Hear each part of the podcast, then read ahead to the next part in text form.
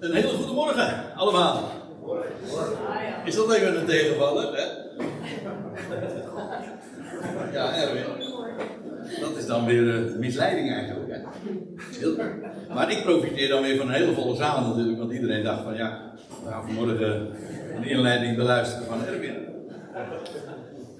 En, uh, en zie, het was Lea.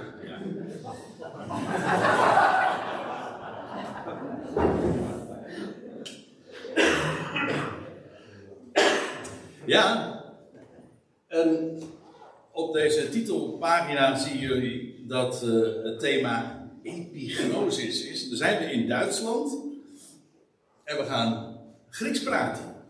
En dat, uh, dat kan natuurlijk een behoorlijke drempel zijn. Tenminste, als je dat zo hoort. Nou, de titel is inderdaad een Grieks woord, maar don't worry, we gaan het uh, uitgebreid toelichten. het heeft wel alles te maken, moet ik erbij zeggen, bij het, het overkoepelende thema van, van deze twee weken.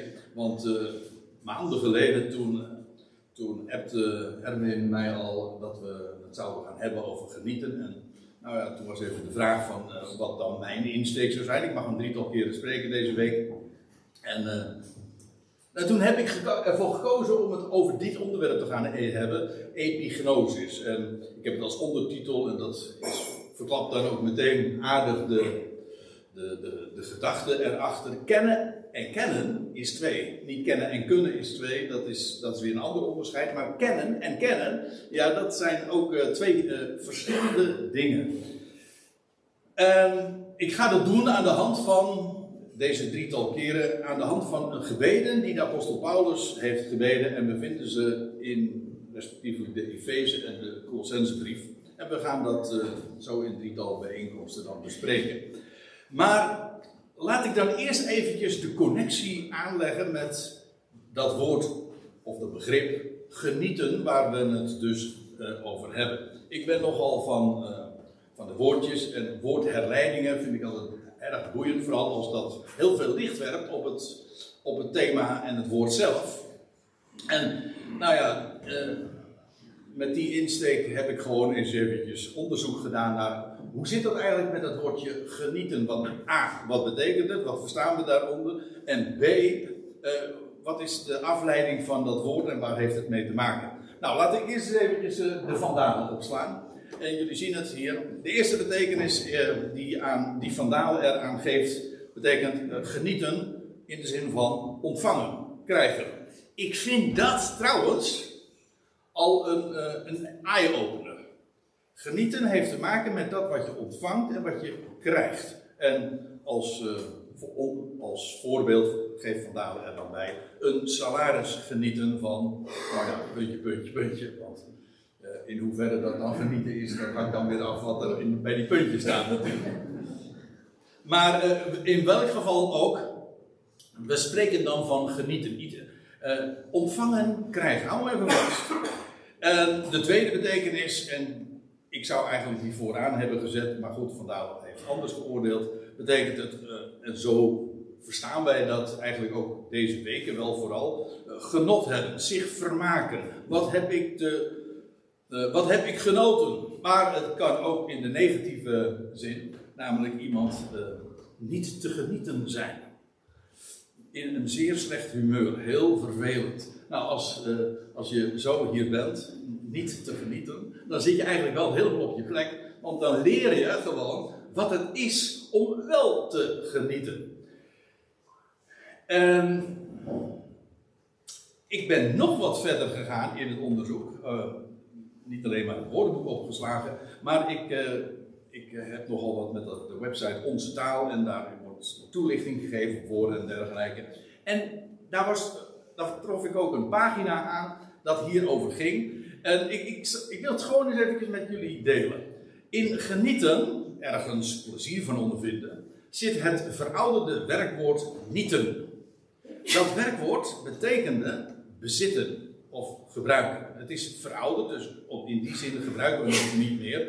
En de aardigheid is dat woorden als nut en nuttig en dus ook benutten zijn hierop terug te voeren.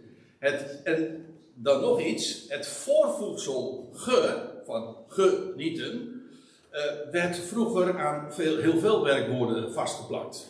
Daar worden dan nog allerlei voorbeelden van gegeven, dat doet nu even niet de zaken. Maar dat geeft de gedachte van volledigheid dan weer. Genieten betekende oorspronkelijk iets als helemaal kunnen gebruiken en volledig bezitten. Aha.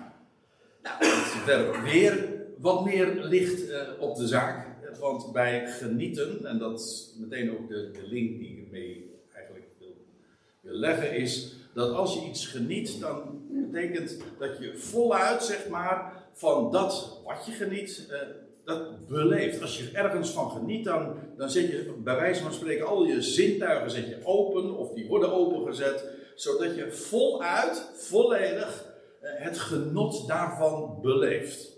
Oké, uh, dan wil ik ook nog eventjes een aantekening maken waar het woord niet mee te maken heeft. Genieten is niet verwant met nieten in de zin van vastnagelen. Met een niet-machine. Weet je wel, een niet-machine, een naaimachine. Nee, niet-machine niet. Oké. Uh, en een nietje er doorheen slaan. Dit nieten gaat terug op een heel andere oerwoord en dat betekent vastslaan. Oké. Het ontkennende niet heeft ook niets, grappig, met, te maken met genieten. Uh, niet, in die zin is niet ontstaan uit het ontkennende voorvoegsel ne, waaruit ook nee is ontstaan. Nou, dat is uh, vrij simpel. En uh, het is een combinatie dan van ne en iets. En iets was eigenlijk iets. Oké, dus daar heeft het ook niet mee te maken. Daar zijn we het aardig afgebakend, wat het wel mee te maken heeft, wat het niet mee te maken heeft. En dan, ik zat even te denken van, kan ik het grapje hier met zoveel kinderen maken, maar die zijn dan toch weg. Uh, het grapje echtgenoten, of echtgenoten, is de verleden tijd van echt genieten. Oei. Ja. Uh, dat klopt wel, dat is de verleden tijd van echt genieten. Ja, dat is echt groot. Uh, maar, en dan als twee echtparen echtparen hebben vier echtgenoten echtgenoten. Oké. Uh, Cornie er wel tussendoor. Ik, ik geef hem door. Hè voor wat uh, onze taal daar ook over vertelt. Maar het heeft dus wel een. Het heeft, dat grapje is dus niet alleen maar een grapje, het heeft een etymologische basis. Etymologisch wil zeggen, dus qua woordenleiding, heeft, hebben deze woorden inderdaad met elkaar van, van, van doen. En dit, dan ga ik nog wat verder. Ja, we zijn heel talig bezig. Dat, dat blijft nog even doorgaan. Dus uh, ga maar even voor zitten. Het woordeel, het woordeel genoot in echtgenoot. En het werkwoord genieten in de oorspronkelijke betekenis dan van gebruiken zijn zelfs heel nauw verwant. Een genoot was oorspronkelijk iemand met wie je samen iets, uh, van, van, iets gebruik maakte. Dat is, uh, en dan worden voorbeelden daarvan gegeven. Van daaruit ontstonden de betekenissen van metgezel, Een genoot komt nu ook voor in een heleboel combinaties. Niet alleen van echt genoot, hè, waarbij samen de echt, het huwelijk, uh, geniet, hè, gebruikt, consumeert. Hoe, heet dat? Uh, nee, dat is weer wat anders. Reisgenoot, bondgenoot, genootschap, allemaal met die gedachte. Dus van samen van iets gebruik maakt. En als je dit nou allemaal een beetje veel vindt, nou, onthoud dan even deze twee dingen. In de eerste plaats, genieten heeft te maken met ontvangen en krijgen. Dat lijkt me heel erg belangrijk. Juist ook wat we de, deze twee weken, wij zijn, Peter en ik zijn hier slechts één week, maar goed, uh, een heel aantal van jullie zijn hier toch al twee weken. Uh, deze twee weken denk ik dat de, nadruk vooral daarop zal liggen, namelijk dat als je werkelijk wil genieten, dan, dat je dan ook besef hebt van het feit dat je allemaal de dingen krijgt, ontvangt. Dat je er geen claim op hebt, je krijgt het. Dat is één ding. En voor de rest eh, is dat ook belangrijk. Het heeft verwantschap, dat hoort dus met samen iets delen. Nou, die vind ik ook wel erg mooi, want dan betekent het dat als je dus twee weken met elkaar, met zo'n grote groep bij elkaar bent en je gaat het hebben over genieten, ja, dat is heel erg to the point. Waarom? Omdat je samen bent en je wil samen de dingen beleven. We zijn genoten van elkaar, deelgenoten. Uh, deelgenoten van elkaar, deelgenoten van Christus. Oké, nou, dat is even de insteek van het woordje genieten. Uh, misschien heb ik wel gras voor jouw voeten weggemaaid, maar ja, dan, dan, dan, had je dat risico niet moeten nemen met mij te dragen. Uh, Oké, en dan komen we toch alsnog bij dat woord waar ik dan vooral de, de schijnwerpers op wil plaatsen. Dat is dat woordje epignosis. Schrik niet van het Grieks, want het, het is allemaal niet zo moeilijk als dat het misschien lijkt. Uh, eerst even dat woordje epignosis, dat, waar het van afgeleid is. Het woordje epi, dat, betekent, dat is eigenlijk gewoon een Grieks voorzetsel, dat betekent op, bovenop. Uh, wij kennen dat trouwens in heel wat, uh, ook Nederlandse woorden nog, van een epiloog. Hè? Een, als een, een, afsluitend woord, een woord op dat wat al gezegd is. Of een episode of een epilepsie. Dat is eigenlijk, uh, lepsie heeft te maken met vallen. Epilepsie is niet opvallen. Ja, je valt, valt wel op, ja. ja dat is waar, ja. Uh, epidemie. Epidemie. Nou, uh, dat weet ik even niet. Uh, maar in ieder geval, dat voorzetsel, daar gaat het even om. En dat woordje gnosis, epignosis, gnosis, dat betekent kennis. Dat is het Griekse woord voor kennis. En we, ook dat herkennen we trouwens in aardig wat Nederlandse woorden. Uh, gnosticisme bijvoorbeeld, die is misschien wat moeilijk, maar het gnosticisme was een richting die, het had, uh, die zich erg richtte op uh, hele, eigenlijk een geheimzinnige richting, op een geheime manier, esoterisch, dat is een moeilijk woord, verkregen kennis. Paulus verwijst daar ook naar in het einde van zijn brief aan Timotheus. Dan zegt hij, dan heeft hij het over de ten onrechte zogenoemde, de zogenaamde kennis, gnosis. En hij geeft daarmee af het gnosticisme. We kennen een ander woord, is denk ik iets bekender, en dat is het, agno, het agnosticisme of een agnost. Daar zit dus ook dat woordje gnos in.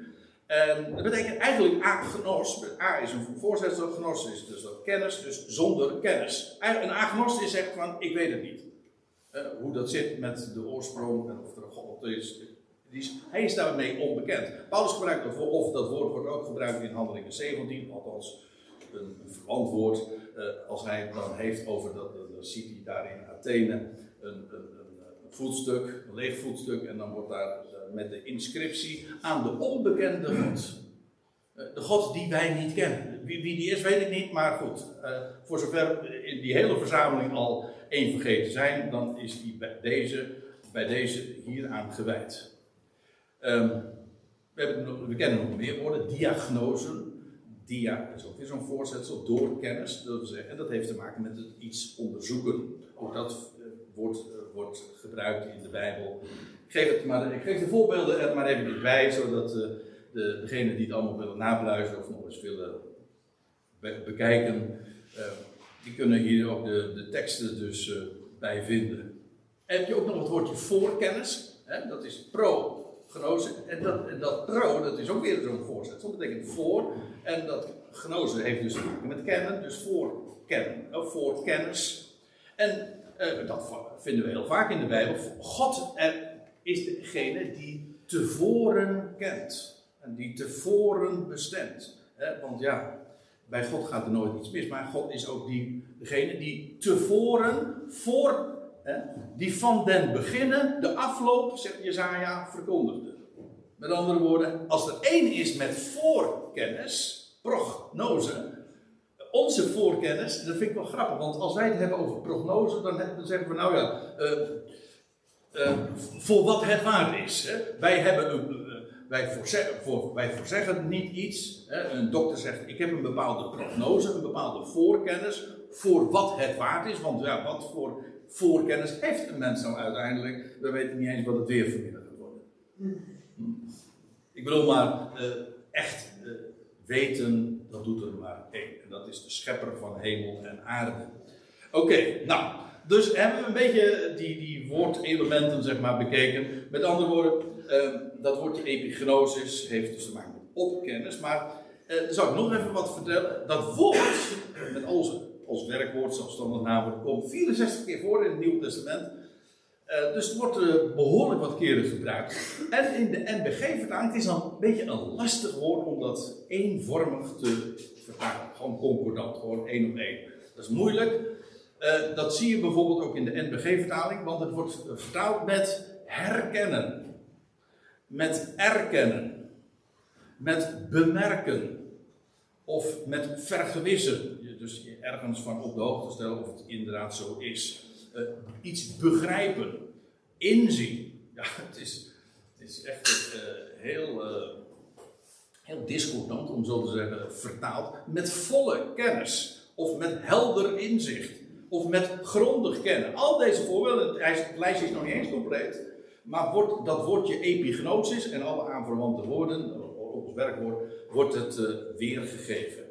En toch is, je vindt een gemeenschappelijk element hierin, en dat is namelijk uiteindelijk het basisidee, namelijk je hebt, het is epignosis, op kennis, en dan het veronderstelt, dat is een leuk woord in dit verband, het veronderstelt kennis. Dat wil zeggen, je hebt kennis, maar het is epignosis, dat gaat dat te boven. Het is meer dan dat.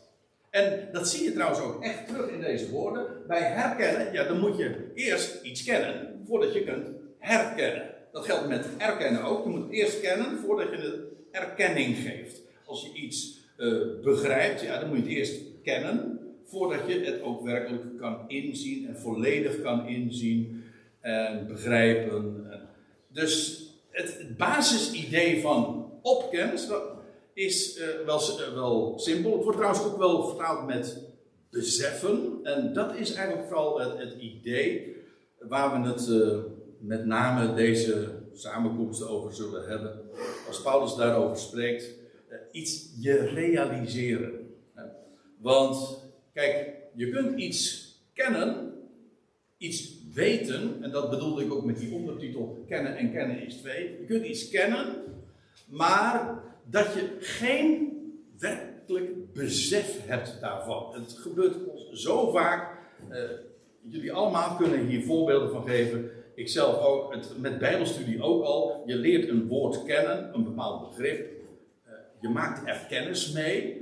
En totdat, zo zeggen we dat vaak dan, het kwartje valt en dan ineens realiseer je, ja, je kende het al, maar niet echt. Ik, uh, ik ben opgevoed in een traditie, de, de, reformatorische traditie, en dan werd er gezegd van het, het moet zakken. Hè? De kennis moet zakken van het, van het hoofd naar het hart. Het moet een, zeg maar een, een, een, halve meter, of wat is het? Uh, nee, nou ja. nee, zo lang ben ik nou ook Een ja, dat komt aardig. Uh, het moet zakken. Eigenlijk is dan, krijg je een ander, dan, dan, zou je zeggen onderkenners. Hè? Dat wil zeggen, het zat hier en het moet daar daarheen. Maar het, het, het, Griekse, het idee van epignose is juist van, het moet meer zijn dat. Het gaat er bovenuit. Dus uh, ja, het is maar een beetje hoe je het hebben wil. Maar het idee is, en dat lijkt mij uh, toch, dat, dat, is heel bazaal, iets weten dat geldt ook voor ja ook, dat geldt in, bijzonder voor het evangelie. Je kan wel de feiten kennen, je kan wel weten bijvoorbeeld, er is één God. Die alles in zijn machtige hand heeft en bij wie nooit iets misgaat. Dan kan je weten, maar besef je het ook werkelijk. Zoals uh, Erwin dat ook uh, al uh, aangaf, van ja, weet je, er kunnen zoveel dingen in je leven gebeuren en dan ben je bang voor ja, wat er morgen of de komende tijd uh, boven je hoofd hangt. Alleen de term al, uh, dat, wat het weer betreft, uh, is die ook wel toepasselijk. Wat hangt er boven ons hoofd? maar oké, okay, daar kunnen we nog laconiek over doen. Maar er kunnen dus dingen zijn waar je bang voor bent. Ondanks dat je weet met je hoofd, of je hebt het misschien zelfs wel erkend, er is een God. En hij is erbij. En het loopt hem niet uit de hand. En hij geeft wat ik nodig heb. Dus ja, dat zijn van die twee lijnen die elkaar, hè, we zeggen dan van verstand en gevoel, dat zijn dan twee lijnen en die, raken, die kunnen heel erg ver van elkaar verwijderd zijn. En dan heb je aan de ene kant wel de kennis, maar de beleving, ook dat is een uh, reformatorisch begrip, bevinding. Je weet het wel, maar echt de beleving ervan, dat staat dan soms zo ver. En uiteindelijk, daar gaat het om. Dat je alleen maar iets weet, gewoon abstract, van eh, het zal wel zo zijn. Ja, daar heb je in de praktijk, ook als het volstrekt dus waar is, je hebt daar dan geen rendement, geen, eh, je beleeft daar niet de effecten van. Oké, nou, dat is een hele lange inleiding voor, uh, naar, voor het Bijbelgedeelte waar ik eigenlijk naartoe wil, en dat is 1. Uh, maar goed, ik vond het toch belangrijk om eens eventjes de, de, de puntjes op de i te zetten. En om eerst eventjes kennis te maken met ja, de begrippen die gewoon vaak voorbij zullen komen en die heel belangrijk zijn. Oké, eh, ik neem jullie dus mee naar Efeze 1 vanaf vers 15, waar we blijven, dat, waar we uitkomen, weet ik niet helemaal. Uh, ik kan heel lang doorgaan tot Efeze 6, dus, maar het is een gebed. Dat, dat blijkt ook, het is heel boeiend dat we in de Efezebrief twee gebeden vinden van de apostel Paulus dat blijkt gewoon dat hij zegt van ja, uh, ik, ik bid voor jullie. Um, laat ik lezen vanaf vers 15. Moet ik er even bij zeggen. Die eerste 14 versen die Paulus had opgetekend. Ja, dan zitten we wel op echte ongekende hoogte. Dat, dan, zijn, dan zijn we echt in de, in de schatkamer van God verplaatst. En uh, hij begint al, uh, eigenlijk na de aanhef, meteen met van... Gezegend zij de God en Vader die ons, ge, van onze Heer Jezus Christus, die ons gezegend heeft met elke geestelijke zegen te midden van de hemelse in Christus. En, dan, en nou, dan pakt hij uit hoor. En dan noemt hij al die, die geweldige zegeningen, al die bezittingen die we hebben in Hem. Ongekend. Zo hoog als dat is, eh, maar ook zo enorm rijk. En, en, het is, en, en Paulus, hij, hij, spreekt heel veel over van die superlatieven en hij overtreft zichzelf. Het is soms net alsof hij buiten adem is. Het is één zin en dan weer een tussenzin. En het leest lastig gewoon als je dat met de, in de vertalingen ook doorneemt. Je moet er echt kennis, echt kennis van nemen. En dat zeg ik meteen eventjes bij. Kijk, we gaan nu deze samenkomst hebben over bovenkennis of opkennis, epignosis, jawel. Maar dat betekent dus dat je geacht wordt wel de dingen te kennen, te weten. Ik bedoel, uh, beseffen hoe rijk je bent, uh, ja, dat, dat kan pas als je weet dat je rijk bent. Uh, dus het begint uiteindelijk toch gewoon met dingen weten. Als je die weet, ja, dan hebben we het dus, dan, dat hele onderwerp van epignose kun je er ook op parkeren, want daar heb je dan helemaal niks aan. Het begint met kennen, weten. Dus, dat zeg ik ook maar eventjes bij, want ik denk dat er heel veel mensen, juist vandaag ook, uh, wordt er heel vaak uh, heel veel waarde toegekend aan, ik moet uitkijken met hoe ik het nu formuleer, maar aan gevoel. En ik bedoel, een, een zelfstandige waarde aan toegekend. Het gaat om beleving en gevoel. En, maar waar het dan op gebaseerd is en op feiten en het fundament, uh, dat komt dan niet aan de, aan, aan de orde. En dat is, dat is absoluut niet bijbels. En het is ook heel, ja, het is letterlijk irrationeel. Ik bedoel, waar hebben we het dan over? De Bijbel gaat over concrete dingen. Over een God die is. En die zijn voetstappen, bij wijze van spreken, ook, nou, eigenlijk letterlijk, in de in de geschiedenis gezet heeft. Dat te traceren is en dat concreet is, helder, ook de dingen onder bewijs stelt. De schrift bewijst zichzelf. En die, dat moet je weten. En als je het weet, ja, dan komt het nog. Dan gaan we naar stap 2 en dat is: besef je het ook werkelijk? En nou, laten we het eh, lezen vanaf vers 15. Daarom ook ik. Uh, sorry, ik moet trouwens nog. Nog een toe. Ja, want, uh, nou dat zeg ik eventjes voor degenen die uh, mijn Bijbelstudie nog nooit uh, hebben gehoord of gezien. de A, de tekst is soms wat afwijkend van de vertalingen, omdat ze vrij letterlijk is en gebaseerd is op die interlineair, zo heet dat met een duur woord, wat je hier onderaan de dia ziet. Dat wil zeggen, die Griekse letters, die Griekse woorden, dat is zoals het origineel, zoals Paulus dat destijds heeft opgetekend. Dat tweede regel, die groene regel, dat is dan de meest letterlijke weergave daarvan. En die, die grijze derde regel daaronder, dat is dan de regel zoals dat in de NBG-vertaling heeft, is weergegeven. En daar zit, uh, het is van belang om dat ook uh, even scherp te zien van A, wat er echt staat, en B, zoals vertalers dat hebben weergegeven, want dat is niet altijd hetzelfde. Uh, dat zeg ik niet om u heel erg wantrouwend te maken, maar gezond kritisch, laten we daarop houden. Gewoon, je, je wil zo dicht mogelijk, lijkt mij, hè, naar de bron. Wat heeft God uh, gezegd? Wat heeft hij gesproken? Hoe staat het in het origineel opgetekend? Dat willen we weten. Vandaar dus. Uh, dan zegt hij in vers 15: Daarom ook ik, horende hetgeen overeenkomt met jullie geloof in de Heer Jezus en de liefde tot al de heiligen. Met andere woorden, Paulus had uh, dingen vernomen van deze Efeziërs.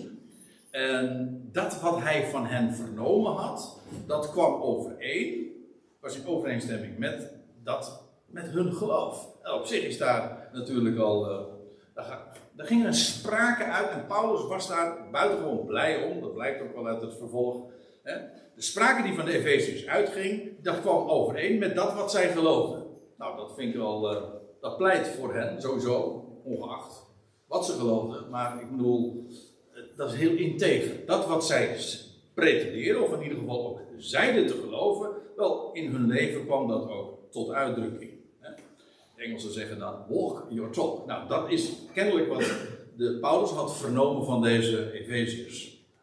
Ze hadden niet alleen geloof in de Heer Jezus, in Jezus als Heer, de opgewekte, maar ook ze hadden liefde voor al de heiligen. Al degenen die God apart heeft gezet, want dat is wat heilige betekent, eh, daar hadden ze liefde voor. En wel een, een goddelijke een liefde die God in hun hart gelegd had, hè? Onvoorwaardelijk. En daar had Paulus van vernomen. En dan zegt hij. Uh, daarom houd ik ook ik niet op te danken voor jullie. Wanneer ik jullie vermeld in mijn gebeden. Aha. Dus Paulus had dingen vernomen. Waar hij heel blij mee was. Want hij zegt: Vanaf het moment dat ik dat van jullie en over jullie heb vernomen. Houd ik niet op te danken. Dat is trouwens wel heel mooi, want dat uh, is eigenlijk een rode draad door al Paulus' brieven. Dankzegging voert altijd de boventoon. Het is, heeft er ook mee te maken met dat, met, dat wat hij mocht uitdragen onder de natieën. Hij was de apostel en leermeester van de natieën, maar hij bracht de genade van God. God geeft. Hij, en wij ontvangen. En daar hebben we weer genieten. Wij ontvangen. Ja, en wat past er, wat is nou de, de houding, de, de normale reactie als je iets krijgt, ontvangt? Dan zeg je, dank u wel. De, dat geldt nog, dat is misschien wat anders nog als je, als je op iets aanspraak kunt maken. Bijvoorbeeld je salaris of zo. Dan kun je zeggen, ja, goh, ik heb ervoor gewerkt en dat, dat, hoor ik te krijgen. Dus hoef ik niet eens dank u wel voor te zeggen. Dat is gewoon een deal. Maar als je iets zomaar om niet krijgt, en je bent daar blij mee. Dat is genade. Wel, de normale passende reactie. Niet alleen naar eh, het hoort zo, maar je doet dat. Je krijgt iets en je beseft, ik krijg het terwijl ik er geen aanspraak op kan maken. En wat doe je dan? Dan zeg je dank wel. En ja, dat is, uh, Paulus spreekt over overvloeiende in dankzegging. Niet alleen vervuld, maar ook overvloeiende van dankzegging. Dankbaarheid is een houding in het hart je bent dankbaar. Maar dankzegging, dat is wat je uitspreekt. Als het hart vol is, dan loopt de mond over. En dan ga je danken en, voor alles wat je krijgt. En, we zongen net uit uh, Johan de Heer. En uh, er is ook een andere Johan de Heer lied. Of is het gewoon, ik dacht Johan de Heer. Tel uw zegeningen. Tel uw zegeningen één voor één. Nou, dat is het. En als je eenmaal gaat, begint met tellen, dan raak je niet meer uitgeteld. In alles wat je ontvangt. En dat geldt zeker eh, als het gaat om, bedoel, als het om aardse dingen die je mag krijgen, dat is geweldig. En hoewel daar ook heel veel moeite kunnen zijn die je op je pad krijgt, ontvangt en ook krijgt. Niks gaat buiten hem om. Maar één ding is duidelijk, vooral als je Paulus zojuist hebt gevolgd. Hij, ik citeerde het zojuist al, vers 3, dat hij zegt dat wij gezegend zijn met alle geestelijke zegen in Christus in de hemelse gewesten, of te midden van de hemelse. Alle geestelijke zegeningen. De MBG-vertalers, dat vond ik wel grappig. De MBG-vertalers die vonden dat kennelijk een beetje te gortig, want die hebben ervan gemaakt allerlei. Maar het staat gewoon letterlijk gewoon het woordje elke of alle. Alle zegen. En niet slechts allerlei. Nee, el, noem één geestelijke zegen op in Christus. Daar in het hemel. Die wij niet hebben ontvangen. En het, het antwoord of het verhaal is, die zijn, die zijn er niet. Al die zegeningen die Christus heeft ontvangen, is feitelijk ook de clue van deze hele brief. Alles wat Christus heeft ontvangen, en hij is daar nu boven, aan het oog ontrokken, daar verborgen. Jawel, maar alles wat hij heeft en bezit en heeft gekregen van zijn God en Vader, dat is ons deel. Vandaar ook dat Paulus in deze brief zegt van ja, wij zijn zijn lichaam. Hoofd, zoals, zoals alles wat uh, mijn hoofd heeft, heeft ook mijn lichaam. Het is een onverbrekelijke eenheid. En alles wat hij daarboven heeft, dat is ook mijn deel. En ons deel als lichaam, als ecclesia, als, als de gemeente, de gemeente die zijn lichaam is. Onvoorstelbaar. En dat die zegen hebt, daarmee zijn we gezegend. En dan zegt hij: Ik hou niet op voor jullie te danken wanneer ik jullie vermeld in mijn gebeden. En ja, je zou je de vraag kunnen stellen: waar moet je dan nog voor bidden? Als je alles al ontvangen hebt, Waar moet je dan nog voor bidden? Nou, dat, nou, dat, nou gaat het interessant worden. Uh, dan, want dan zegt hij, opdat de God van onze Heer Jezus Christus, de Vader van de heerlijkheid. sommige mensen vinden dit misschien vreemd. Dat heeft te maken met hele klassieke dogma's vanuit de kerkgeschiedenis. Dan kun je dit niet plaatsen, maar de Bijbel spreekt nu eenmaal over eh, de zoon, Jezus Christus als de Zoon van God en de God van onze Heer Jezus Christus. En wij bidden niet, sommige mensen hebben daar moeite mee met zo'n uitspraak, maar kijk het maar eens na. Je leest in de Bijbel nooit dat men bidt tot de Heer Jezus. Men, we gaan door de Heer Jezus naderen wij tot God. Paulus zegt in 1, 1 Timotheus 2, hij zegt dat er is één God en ook één middelaar van God en mensen, de mens Christus Jezus. Hij is de middelaar, dat wil zeggen, God komt via hem tot ons, maar ook wij gaan via hem tot God. En daarom is, lees je ook altijd, ik heb expres een paar, een paar uh, teksten erbij gegeven waar het gewoon heel nadrukkelijk over staat, dat wij tot God naderen door de Heer Jezus Christus. Het is ook heel logisch, maar Paulus zegt dat hier ook, opdat de God van onze Heer Jezus Christus, de Vader, ook de bron van de heerlijkheid, aan jullie mogen geven. Hey, en nou, en, en nou gaat er iets. Uh, de bedoeling is nu eigenlijk, dat is waarom ik er een vette streep onder gezet heb. De bedoeling is nu dat er bij ons nu een vraag ontstaat. Een vraagtekentje. Opdat hij, Paulus bidt dus, terwijl hij zojuist had gezegd en geschreven dat we in Christus alles bezitten. En nou gaat hij vervolgens, hij, hij, gaat, hij dankt God voor, voor wat hij over de Efeziërs had vernomen. Maar hij bidt ook hè, dat God aan hen zou geven. En de vraag is dan van, maar als wij in Christus nou alles bezitten. Hè, elke geestelijke zegen te midden van de hemelse. Wat zou God dan nog aan ons moeten geven? Want we hebben in hem alles toch? Ik vind, ik vind de vraag heel goed. Maar dit brengt ons nou precies bij het onderwerp. Namelijk dat hij zegt, opdat uh, hij jullie geven, opdat God jullie zou geven, een geest van wijsheid en van onthulling in besef van hem. Aha. Kijk, en, en dit is ik denk dat we hier echt bij de grote clue gekomen zijn. Het is waar als je Hem mag kennen. Christus Jezus en het Evangelie, dat God de redder is van ons, van deze wereld. Als je die, die genade van God mag erkennen, ja, dat is, dat is één ding. En dat je in Christus alles bezit. Maar nou gaat het er vervolgens om dat als je dit weet, dat je dit ook werkelijk gaat beseffen. En, en Paulus formuleert het op een prachtige manier. Dan wil ik toch eventjes graag de, uh, wat er uitlichten. Die, die woorden er eens eventjes wat, uh, wat voor, voor het voetlicht brengen. Want hij zegt, opdat hij jullie mogen geven een geest van wijsheid. Dat de geest die wij hebben, de menselijke geest, eh, dat, wij een, dat dat een geest van wijsheid en, dat hij aan ons een geest geeft van, die gekenmerkt wordt door wijsheid en door onthulling en besef van hem. Eerst dat woord wijsheid. Nou, het houdt niet op, want ik blijf jullie bestoken met, uh, met dit soort uh, met Griekse woorden. Dat doe ik niet om interessant te zijn. Ik wil er ook meteen even bij melden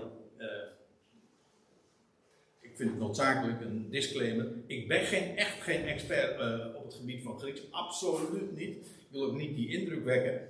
Uh, ik, uh, ik ruik er veel aan en ik laat me daarover informeren enzovoort.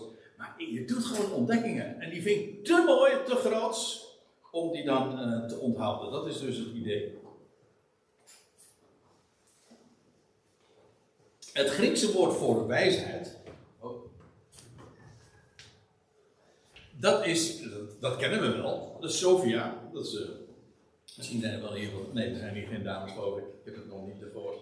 Die zo heten. Maar dat zou zo gekund hebben. Dus Sofia. Zelfs een hoofdstad die zo heet. Maar dat is dus het Griekse woord voor wijsheid. Filosofie, bijvoorbeeld. Filosofie betekent liefde voor wijsheid.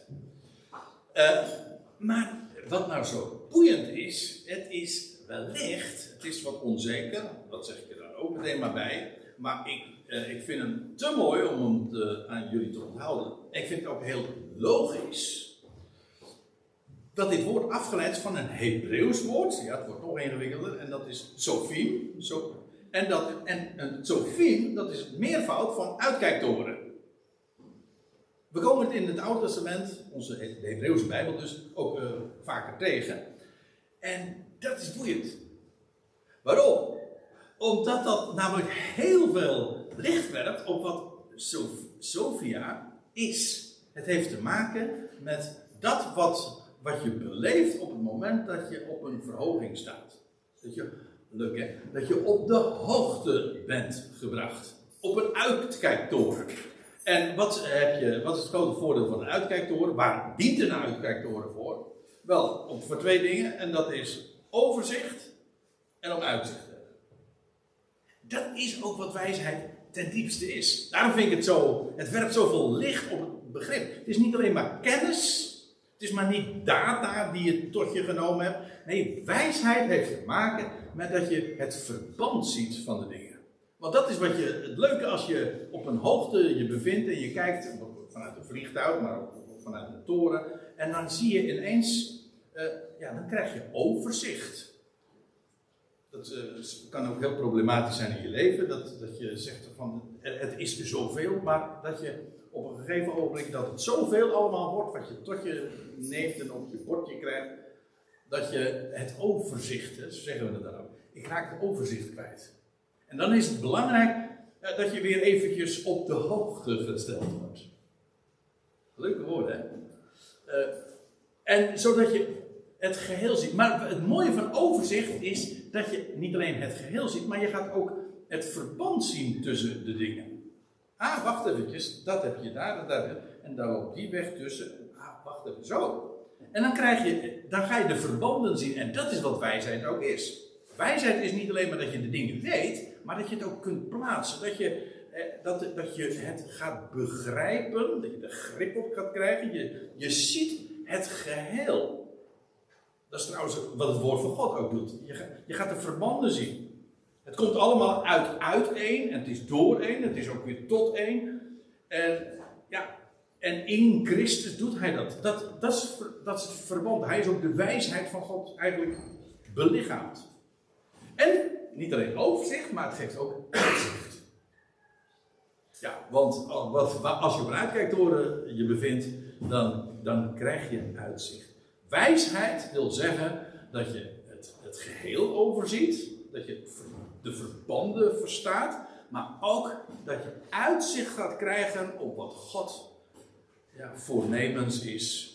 En ja, de God die wij kennen in de Bijbel, dat is de God van hoop, van verwachting. Hij heeft een geweldig plan en hij is, hij is, nog, hij is uh, nog lang niet klaar. Gods werk is nog niet af. Daar zijn nog hele wereldtijdperken, Ajonen noemt de Bijbel dat, uh, te gaan. Voordat hij alles gecompleteerd heeft. Maar hij brengt alles tot een goed einde. Dan heb je uitzicht. Want, ja, want hij die aan het begin staat, hij heeft alles in zijn hand. Dacht je nou werkelijk dat er bij hem iets misgaat? En hij brengt alles op zijn tijd, op zijn wijze, daar waar hij het hebben wil. Nou heb je een uitzicht of niet? Dan heb je niet alleen overzicht, dan heb je ook uitzicht. Dat is wijsheid. En wat Paulus bidt voor deze Efeziërs is niet alleen dat ze dingen niet weten, maar dat ze ook een geest van wijsheid zouden krijgen. Dat God hen zou geven een geest van wijsheid en van onthulling.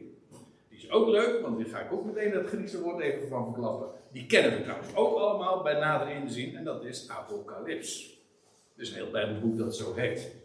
Apocalyptisch. Maar apocalyps, dat is weer zo'n woord, twee elementen, apocalyps. En dat heeft te maken met uh, de bedekking die wordt weggenomen.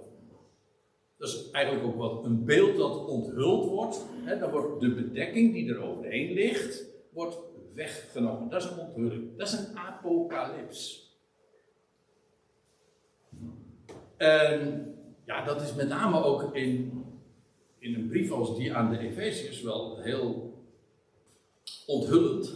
Waarom?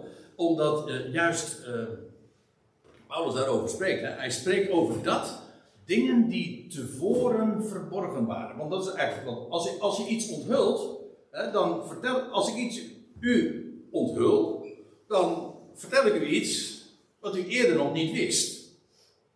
En als je het heel visueel maakt, dus, of als ik iets onthul, dan laat ik iets zien wat je tevoren nog niet kon zien, omdat het verhuld was of omhuld was. En dan neem je de, de verhulling weg en dan is het onthuld. Ja. Maar de het leuke ervan is dat Paulus juist in deze brief daar ook uh, nou, echt enorm over uitpakt. Want uh, aan hem, hij spreekt daar heel dikwijls over, is zoveel onthuld.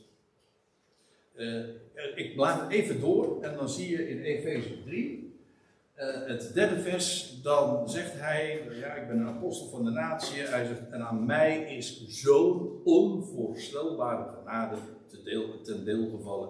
En dan zegt hij, in, ik lees het maar voor, dat naar onthulling, weer dat woordje apocalyps, dat naar onthulling het geheim, of het geheimenis, of de verborgenheid, zegt de Statenvertaling, maar iets wat dus niet bekend was, de, het geheim aan mij is bekendgemaakt. Hij zegt zoals ik tevoren in het kort daarvan schreef. Ik denk dat hij doelt op zijn eerdere brieven. Maar nu gaat hij echt eindelijk echt uitpakken. Maar in ieder geval, hij zegt, uh, het, het, is aan mij bekendgemaakt. Heel vaak schrijft hij erover, ja, aan mij is zoiets onvoorstelbaar groots uh, ten deel gevallen onthult. De, het geheim.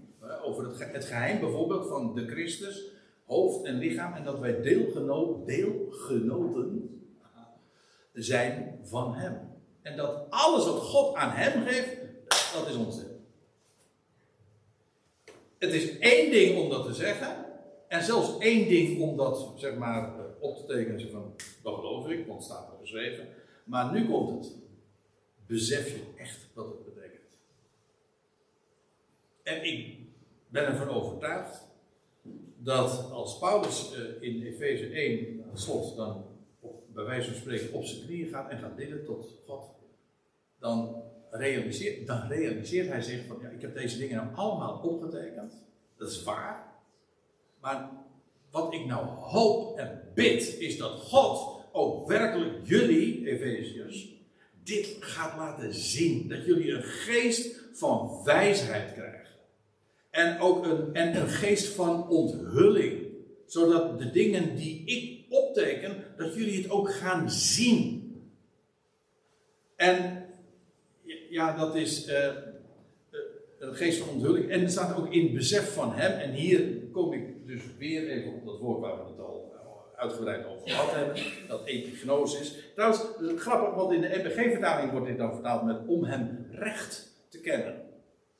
Ik denk dat de beste vertaling hier is, ik geef het door voor wat het waard is, gewoon om uh, in besef van hem. Beseffen wil zeggen, je weet iets, maar je beseft het ook. Ik bedoel, je. Ik had tegen Peter gezegd toen we hier naartoe gingen: 600 kilo is heel, heel rijden hoor. Dus dan weet je, het is 600 kilometer ongeveer.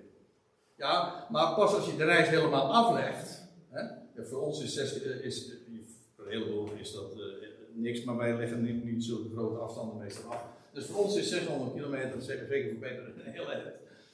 En. Uh, en pas als je, die, als je daadwerkelijk dat doet, ineens zeg je, verdorie, dat is echt end, zeg. Ik bedoel, eh, maar of je hoort van, uh, uh, ja, die bergen in, in Zwitserland zijn ontzettend hoog. Ja, dan weet je dat, dan weet je van, nou, Mont Blanc zoveel kilometer hoger. Ja, totdat je erop staat. En dan ineens besef je, wauw, dat is hoog, dat is groot. Dus, en dat bedoel ik dus met kennen en kennen is echt twee hoor. En dat je echt je realiseert. Dat is waar Paulus voor bidt. En ik denk, dit is zo belangrijk. Want ik denk heel vaak van, ja, je, je, je, je vertelt dingen, je maakt dingen duidelijk. met alles wat in je vermogen is, probeer je dingen uiteen te zetten. Van, wat staat er nou precies? Wat zou het betekenen? Enzovoorts.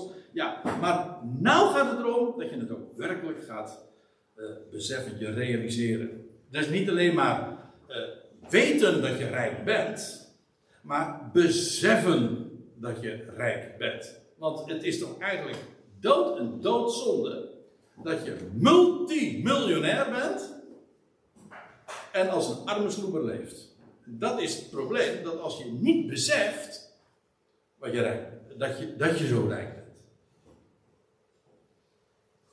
Dat we, en dan zie je ook hoe praktisch dit ook is. Want op het moment dat God inderdaad ons ook gaat geven, een geest van wijsheid en van onthulling en besef van wie Hij is.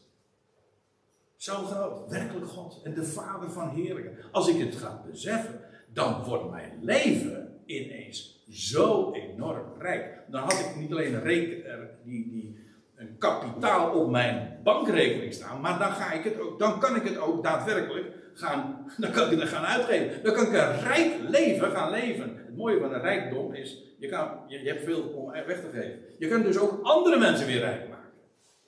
En dat is zo belangrijk, dan moet je eerst wel beseffen dat je rijk bent. En ik denk ook, het zal nog wel vaker gezegd worden, maar uh, nou ja, het is niet voor niks. Paulus, kijk het maar eens naar. Paulus bidt nooit voor aardse omstandigheden.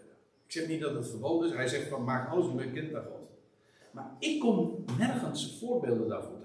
Nou ja, er is één voorbeeld waarbij je leest dat Paulus inderdaad, ja, je leest in de 2 Korinthe 12 dat hij uh, zegt van ja, dat een engel van Satan met vuisten sloeg en die door in vlees. Hij heeft drie keer, tot drie keer toe God gebeden of die alsjeblieft die doorn, ongeacht wat het geweest is, doet nu even niet de zaken, dat hij van hem weggenomen zou. Tot drie keer toe. Dat is, dan bidt hij inderdaad voor iets, voor zijn aardse omstandigheden. En weet u wat hij dan als antwoord krijgt? Mijn genade, zegt God tegen hem, is jou genoeg. Ik geef jou alles wat je nodig hebt. En dan, daarom lees ik ook eigenlijk alleen maar dat hij dankt voor alles wat er gebeurt. Want ja, God, uh, Gods weg is de beste. Kijk, dan heb je weer zoiets. Je kan wel zeggen, Gods weg is de beste. Je kunt zingen. Ja, maar als je het echt ook beseft, dan betekent dat je elke dag dus realiseert, wat er ook gebeurt, zijn weg, niet alleen maar de bestemming, maar ook de weg die hij gaat, zijn weg is de beste. Ziet u het, het enorme verschil tussen iets weten en iets eventueel zelfs bezingen en het werkelijk ook beseffen. Ja, dus ja, er, is, er, ligt nog zoveel ik denk doodkapitaal. Er is zoveel meer. Ons leven kan zo oneindig, ben ik vast overtuigd. Ons leven zou zo oneindig veel rijker nog kunnen zijn. Als we zouden beseffen wat we in Christus bezitten. Onvoorstelbaar. Nou, dat is uh, waar Paulus voor bidt. En, en, hij zegt er nog bij: verlicht de ogen van jullie hart. Dat wil zeggen dat je we hebben deze ogen, maar we hebben, je kan ook dingen zien, hè, geestelijk zien. Besef, ook beseffen. En dan, krijg je, dan ga je de dingen zien die God in zijn woord heeft gezegd. En, en, en op laten tekenen. Ja, dan, uh, ik vind het leuk voorbeeld wat je, wat je dan leest in 1 Samuel 14 over uh, Jonathan. Dat was in de strijd. Geschiedenis doet me even niet de zaak, maar van, door, was, het, het verbod was uitgevaardigd om iets te eten door door, door koning Saul. En dan lees je dat Jonathan daarvan niet op de hoogte was. En die had wel gegeten, hij had honing gegeten. En dan lees je, dan moet je het wel lezen in de Statenvertaling. Dan staat er, uh, en zijn ogen stonden verlicht. De rest van het volk die, eh, die, bezweek bijna. En, en Jonathan, ja, dat is. Hij, zijn ogen straalden. Dat is eigenlijk een mooi woord in dit geval. Want wat gebeurt er als je ogen verlicht zijn? Dan ga je stralen dan zie je, dan komt het licht naar binnen. Als het licht van Gods woord in, je, in, je, in de ogen van je hart, dan ga je, dan ga je ja, met recht stralen. En dat is waar Paulus verbindt. Verlicht de ogen van jullie hart, zodat jullie weten. Hè? Weten, eigenlijk staat hier waarnemen. Zodat jullie waarnemen wat de hoop van zijn roeping is. En wat de rijkdom is van de heerlijkheid van zijn lotsdeel te midden van de heiligen. Dat is een heel mondvol, dat weet ik. En, uh, maar hier, je ziet hier precies geïllustreerd wat ik zojuist bedoelde. Dat, kijk, hij zegt niet dat we zouden weten wat zijn lotsdeel of wat zijn erfenis is. Lotsdeel, dat is wat je ten deel valt. Hè? Dat we zouden weten wat zijn lotsdeel is. Nee, wat de rijkdom is van de heerlijkheid van zijn lotsdeel. Van zijn erfenis. Dat is iets heel anders. Hè? Je kan weten wat de erf. Hij zegt van nou, alles wat wat aan, aan Christus is gegeven, hemel en aarde, dat wij zijn mede-erfgenamen, wij, wij krijgen dan deel ook van hem, van Gods. Dus wij zijn mede-erfgenamen van hem. Ja, maar dat is één ding.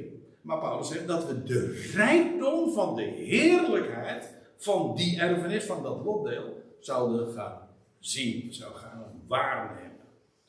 Dat zijn echt twee uh, verschillende dingen. Dat is het gebed dat Paulus heeft. En ook de overtreffende grootte, over superlatieven gesproken. De overtreffende grootte van zijn kracht is aan ons die geloven. Het heeft te maken dus met die ogen, dus visueel, dat, dat, dat wat hij gesproken, wat Paulus heeft gesproken en heeft laten optekenen, of heeft opgetekend. Ja, maar het, ook nog eens de beleving van de kracht die overtreffend is aan ons die geloven. En hoe groot is die wel? Dan gaat hij, gaat hij over door. En aan ons die geloven naar de inwerking van de kracht van zijn sterkte. Die hij inwerkt in de Christus. Hem opwekkend vanuit de doden. Dus als hij zegt van ja, wat is, hoe groot is de kracht nou aan ons die geloven? Wel, dat is gewoon, wij zijn wij zijn verbonden met hem, met die ene, Christus. En wat heeft God met Christus gedaan? En dus ook in ons. Wel, hij heeft hem opgewekt uit de doden. En hij, doet hem, of hij deed hem zitten, hij heeft hem doen zitten, rechts van hem, een erepositie. Dat wat voorrang krijgt. Daar, hij heeft de plaats boven alles gekregen, te midden van de hemelse boven alle overheid en macht en heerschappij en alle naam die genoemd wordt. Niet alleen in deze aion, in dit wereldtijdperk, maar ook in de aanstaande. Dus er is er één die boven alles staat. zijn heerschappij uh, is verborgen, maar straks gaat dat onthuld worden, wordt het openbaar. Wel, wij zijn verbonden met hem.